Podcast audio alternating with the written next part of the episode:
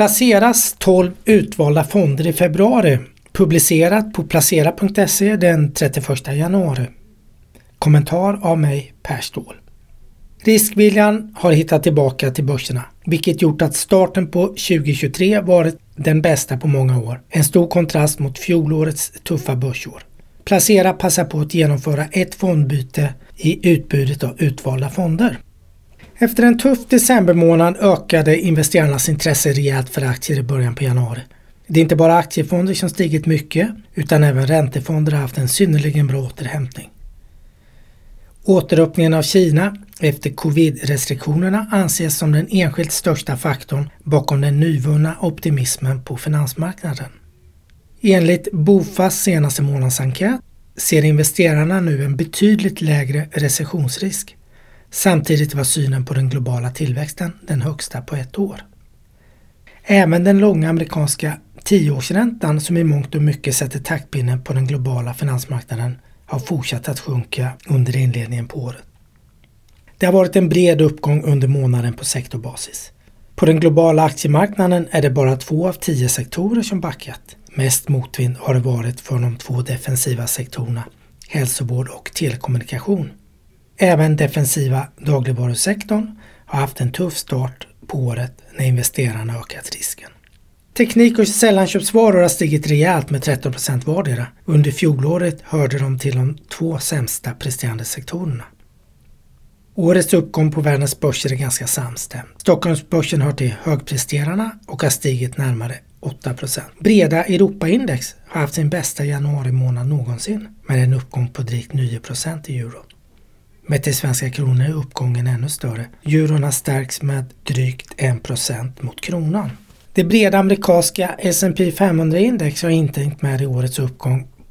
Uppgången stannar på 4,5 i lokal valuta. Dollarn har haft en sidledes utveckling mot den svenska kronan i år. Tillväxtmarknaderna har haft motvind under vintern. När riskviljan ökat och dollarn tappat har index stigit med närmare 8 mätt i US-dollar. Kina som utgör drygt 30% av tillväxtmarknadsindex har haft en ovanligt stark period sedan mitten på november med uppgångar på närmare 50% Alla placeras rekommenderade fonder har stigit under inledningen på året.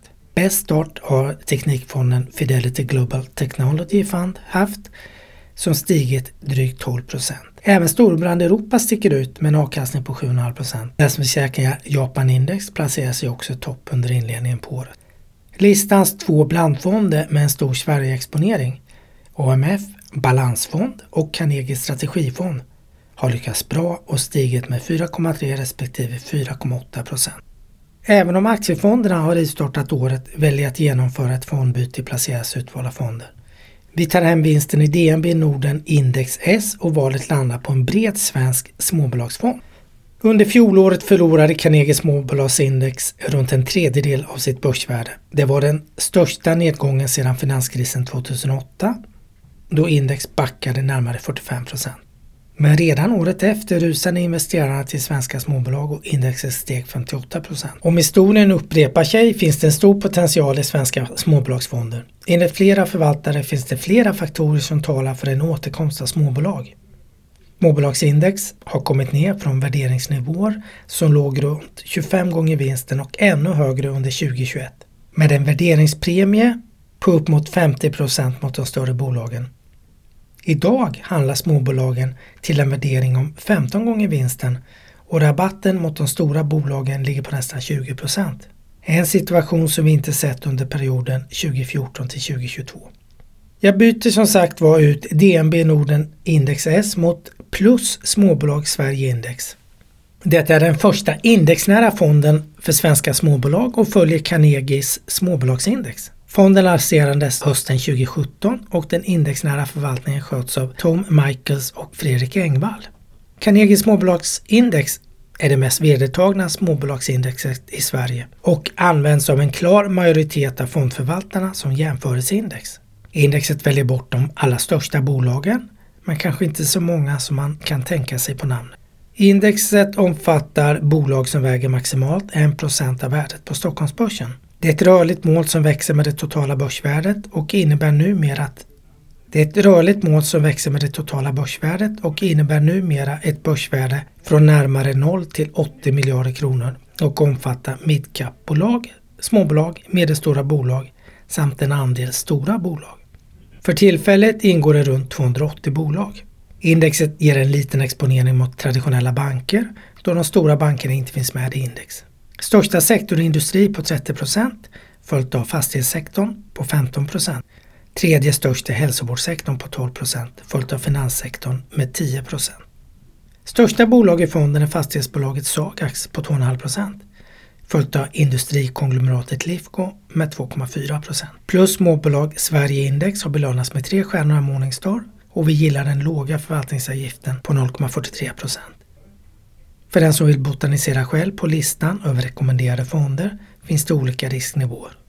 Tror du att det positiva börsklimatet håller i sig och känner att du vill öka risken i fondportföljen så hänvisar jag till övriga fonder med högst risk. Det finns ytterligare sju fonder inom segmentet att välja på. Vill du gå en medelväg och reducera aktierisken men ändå ha en viss aktieexponering så erbjuder listans tre blandfonder en medelrisk.